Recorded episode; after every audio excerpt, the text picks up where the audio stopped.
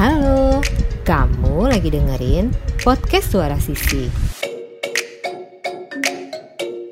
Ini adalah segmen dunia sisi, dunia perempuan yang penuh warna. Pakaian dalam perempuan kalau buatan eh, Amerika itu fungsional, benar-benar ya sesuai, Hmm. eh, pokoknya dibuat sesuai fungsinya. Kebutuhan. Tapi kalau- sesuai kebutuhan. Tapi kalau buatan Paris itu cantik.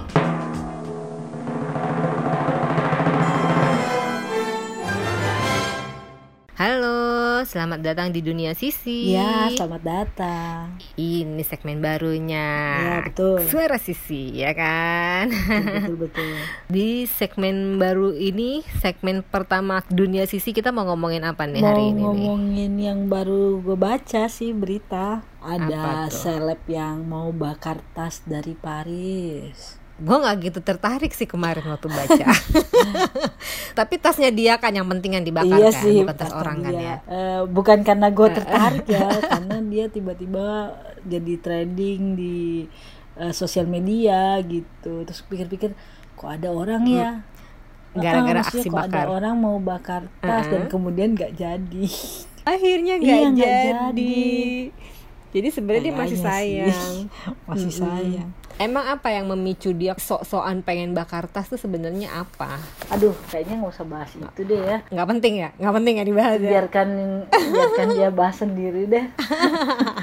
Yang bikin gue tertarik itu sebenarnya lebih ke eh, kan produk eh, dari Prancis itu Uh-uh. memang eh, terkenal sedunia gitu. Bahkan bisa Iya. dibilang eh, Paris atau Prancis ini jadi pusat mode gitu ya nggak sih? Betul, betul. Oh, pusat mode, kiblat mode, Mm-mm. kiblat fashion gitu. Benar. Kok bisa ya sebenarnya kayak gitu tuh sebenarnya menurutku yang lebih menarik gitu kok Paris ya kok Prancis. Dibandingin bakar tas ya udah mendingan kita ba- bahas Parisnya aja iya, ya. lebih lebih anu lah Iya, berisi lah. iya, iya. Emang menarik sih, menarik sih si Paris ini. Kenapa dia bisa bertahan sebagai kiblat mode. Jadi bukan cuma pusat mode Iya. ya, bener-bener jadi Iya, iya, kiblat betul. dia, kiblat modenya dunia. Semua orang mengacu ke sana begitu dia Gitu. muncul misalnya tren apa gitu. Tren topi pakai bulu. Nah, iya kan dari sana misalnya. Tren rok kotak-kotak gitu. Dari sana juga tas yang pakai Mm-mm. kulit eh, buaya warna pink loh. Gue bingung juga tuh buaya warna pink. Eh serius dan itu super mahal, saudara-saudara. Sejarah nggak ada kulit buaya Ah, warna iya. pink ya. ada ya jenis baru buaya warna pink gitu tapi tas bu kulit buaya warna pink harganya miliaran kebayang dong buaya warna pink lucu ya gitu aduh Makanya jadi ya miliaran. itu, itu.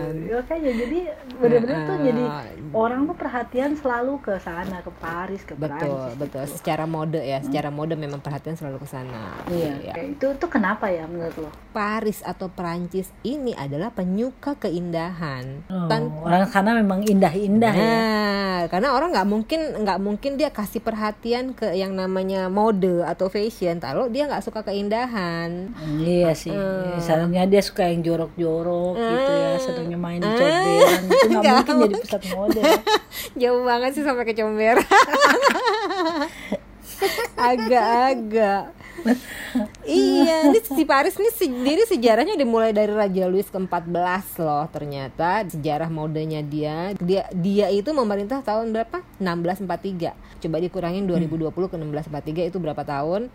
Nah, si Raja Louis ini terkenal sebagai pencinta keindahan. Banyak. Peninggalannya dia aja tuh eh, Istana Versailles. Kayaknya semua orang tahu deh betapa indahnya arsitektur si Iya, istana itu. Mm-mm. Ya, udah megah, indah, glamor ah, dan banget. pokoknya eh, warnanya gitu ya, itu sangat wah gitu. Kayaknya kalau lihat di Mm. Film-film tuh kan kayaknya itu yang paling wah stunning banget lah pokoknya ya nggak sih? Betul, itu ternyata makanya. dari si Raja Louis si ke-14 si itu Raja ya. Louis ke-14. Kalau dari ceritanya orang-orang sini, orang kita yang pernah ke Paris, itu semua bilang, "Aduh, udah deh jangan ditanya indahnya Paris." gitu. Itu cerita mereka. Ada juga nih salah satu sisternya Sisi nih yang tinggal bertahun-tahun di Perancis, sempat tinggal di Paris juga. pada saat dia tinggal di Paris tuh udah bener-bener udah bener-bener surga dia, dia ngeliatin orang tiap hari keren pakai bajunya Hmm. bener-bener modis terus ya bukan cuma pakai baju ya bener-bener keseluruhan penampilannya dia setiap hari tuh bener-bener modis semua orang Paris gitu dan jangan salah Dan itu selalu mahal. ternyata barang-barang yang mereka pakai bukan barang mahal. Jadi di Paris itu banyak art gallery, banyak butik-butik dari Hmm. eh, desainer-desainer yang namanya kita nggak tahu. Jadi kan eh, yang kita tahu kan cuma desainer terkenal aja kan. Tapi ternyata banyak desainer yang eh, ya memang lulusan sekolah mode tapi tidak terkenal dan produknya bagus dan tidak mahal. Nah itu Tapi kan tetap aja juga ya pengaruh bahwa brand-brand besar itu juga yang mendorong bi- ah, munculnya juga Betul. industri kreatif termasuk desainer-desainer gitu. Ya kan Betul. kayak Dior gitu yang gua tahu bahkan ketika perang dunia kedua dia malah eh, bikin produk fashion, bikin tren fashion gitu. Betul, nggak sih? betul. Perang Dunia Kedua, saat orang lagi susah, tekstil lagi susah, dia bikin rok airline. Kurang kerjaan tuh Dior. ya maksudnya itu kan lagi perang ya, tapi kepikiran gitu tetap ngambil gaya kita Harus nggak tetap- boleh. Benar. Ah, iya. Harus tetap feminin, harus tetap elegan dan oh iya Paris tuh elegan loh fashionnya. Maksudnya Ya, ya, betul betul. kadang nih ya orang nih eh, mohon maaf gue suka kalau ngeliat eh, orang di sini suka agak salah mengartikan fashion menurut menurut orang-orang fashion tuh mahal padahal enggak fashion itu tidak selalu mahal Nggak selalu ya, Bener. betul. Be yourself aja gitu ya makanya ini keahliannya orang Prancis nih me, Iya karena kan sudah terbentuk. Benar Karena sudah benar. terbentuk gitu secara Benar. sekian, ratus dan ribu tahun sudah terbentuk gitu kan. Iya toh. Jadi eh, nggak serta merta tiba-tiba mereka bikin sesuatu yang buk gitu, yang aneh Iya. gitu. Nggak seperti itu kan. udah memang udah ada udah menga- mengalir dalam darahnya lah untuk selalu keren Iya, cewek makanya cowok kan karena ya makanya lihat brand-brand di sana kan sebenarnya udah ratusan tahun dan tetap ada gitu loh, nggak hilang gitu kan. Betul, kayak betul. kayak Her Herme. Herme. Herme itu kan 183 tahun loh. tua loh ya. 183 tua banget ya. tahun. Kebayang kan dia sudah setua itu dan masih bertahan sampai sekarang dan, mas- tetap aja gitu dicari orang. Padahal ratusan juta harganya cuma tas doang. Dan mereka tuh mainnya nggak cuman nggak cuman fashion di misalnya cuma baju doang tapi ke semua lini fashion ya. Dari Bener. ujung rambut sampai ujung kaki ya nggak sih? Iya iya dari ujung rambut dari ujung kaki. topi sampai sepatu.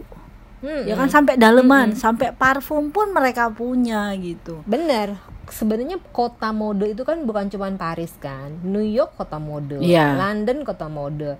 Cuman kenapa pusat modenya Paris? Antara Paris sama Milan sebenarnya tapi kayaknya em, Paris menang ya. Nah itu salah satu contohnya salah satu contoh pakaian dalam perempuan kalau buatan eh, Amerika itu fungsional. Benar-benar ya sesuai eh, pokoknya dibuat sesuai fungsinya. Tapi Kebutuhan. kalau- sesuai kebutuhan. Tapi kalau buatan Paris itu cantik. Jadi bukan cuman bukan cuman ya udah fungsinya begini tapi cantik. Nah itu balik lagi Eh, karena tapi kita kalau bicara sih. lingerie gitu-gitu pasti pasti ke Perancis ya. Tapi apa sih yang bikin produk dari sana itu super duper mahal gitu? satu limited edition kedua apa sih kalau kerjaan tangan namanya handmade ya kok gue dari tadi mikir Yang apa sih? Apa-apa kutur? Apa kutur? haute couture kalau baju ah, itu haute couture. couture Iya, kalau Ah, kalau tas bukan haute couture kalau ya. tas bukan Lebih ke couture. handmade ya. Ah, haute couture tuh bahasa Indonesianya adi busana ya kalau kita mau. Adi busana. semua desainer haute couture Indonesia boleh dibilang kiblatnya memang ke Perancis gitu Ke loh. Perancis. ke Paris ha. Misalnya. Misalnya ada satu desainer eh, Didi Budiarjo everybody knows lah gue rasa Didi Budiarjo karena dia benar-benar karyanya luar biasa banget dia memang awalnya di sekolah di sini di Susan Budi Harjo selesai dari Susan Budi Harjo dia lanjut ke Paris ke Atelier Fleury de la Parte. Gua nggak tahu yang ngomongnya mungkin gua salah, mohon maaf tapi ya begitu ke ke Atelier Fleury de la Parte di Paris. Kedua, selain Didi ada temennya Didi, eh, Edi Betty pun sama sekolah di tempat yang sama Fleury de la Parte itu juga di Paris juga. Hmm. Jadi itu udah dua. Terus ada satu lagi yang masih lebih lebih muda, eh, desainer yang lebih muda, Hyun Chen. Dia memang tidak sekolah di Paris, dia sekolahnya di Jakarta. tapi mengasah kemampuannya dia dia eh, pada apa namanya dia menjadi finalis di Concours Creation de Mode di Paris juga itu cuma Hmm. tiga contoh sementara masih banyak lagi kan pasti yang lain gitu memang ya memang kiblatnya ke sana untuk si kutur-kutur itu Jadi memang tidak bisa dipungkiri kalau memang Pak Paris dan Prancis itu memang eh, tetap menjadi pusat eh, mode, mode dunia ya. Mau Karena- ganti pakai apa pun kayaknya ada susah. Benar karena ya itu tadi mulai dari sejarah yang pan- sejarah yang sepanjang itu eh, dari tahun 1643 terus udah gitu turun ke orang-orangnya gaya hidupnya orang-orangnya oh ada cerita satu lagi nih cerita temen yang tinggal di sebelah utaranya Prancis yang berbatasan dengan Belgia tapi kan kalau Eropa kan lo tau kan perbatasannya kan gitu kan sama juga mungkin kalau kita di Iya. sini antara Jakarta sama Bekasi, Bekasi dan kan Depok. gitu ya perbatasannya tuh kayak gitu doang jadi kalau misalkan lagi libur anak yang tinggal di Belgia ini suka main ke eh, Prancis nih sekedar cuci mata dia bilang e, bosen gue di, di tempat gue buluk-buluk katanya. Kalau di sini gue enak Sama-sama Eropa gua- aja dia bilang buluk-buluk ya. oh iya satu lagi di Paris tuh orang nggak bawa mobil loh. Bawa bekti. nggak ada yang bawa mobil tapi orang-orang Iya, tertentu bukan aja. enggak. Ah, enggak ah. dong. Kalau gue bilang bukan nggak bawa mobil tapi lebih memilih untuk tidak gitu. Lebih Apalagi memilih tempat-tempat bawa tertentu. mobil Eh, karena karena- sana kan rakyatnya ramah lingkungan. Ramah lingkungan Nah, dan memang sengaja dibikin supaya orang tidak ti- supaya orang tidak bawa mobil. Jadi lo eh, ya naik turun bus dengan gaya dengan penampilan keren gitu. Sementara kan kalau di sini iya. kesannya ah, naik bus doang. Gitu. Pengen keren ah, naik bus doang. Gitu kan Iya ribet demen bajunya sendiri belum nanti kalau lu keinjek-injek gitu terus Kan. belum lagi terus lu berada di posisi yang harus penuh berdesak-desakan kan kayaknya baju lu rusak yang ada bukannya fashion tapi lu kucel mucel hancur baju lu gitu. artinya Nggak lingkungannya tidak sekali. mendukung Iya, apalagi dengan jalan Jakarta yang trotoarnya tiba-tiba ada lubangnya. Nah, eh, kalau nggak ada lubang, Ah, ada iya. bekas apaan gitu ya tiba-tiba. ya sudah, ya kurang lebih kayak Ya gitu udah, jadi ya. Intinya ya itu tadi kayaknya ditutup dengan ya bahwa mau di apa pun gitu ya diprotes atau mau dibakar atau mau ditenggelamkan gitu. Tetap aja tidak bisa mengubah bahwa Paris ya, bahwa is Paris dan Prancis adalah pusat, pusat mode. dari mode sedunia. Oke. Ya nggak sih? Sip. Semoga kalian setuju aja dengan omongan kita ya kali ini. Setuju aja deh. Oke, sampai ketemu lagi ya, sis. Yo, dah. Dah.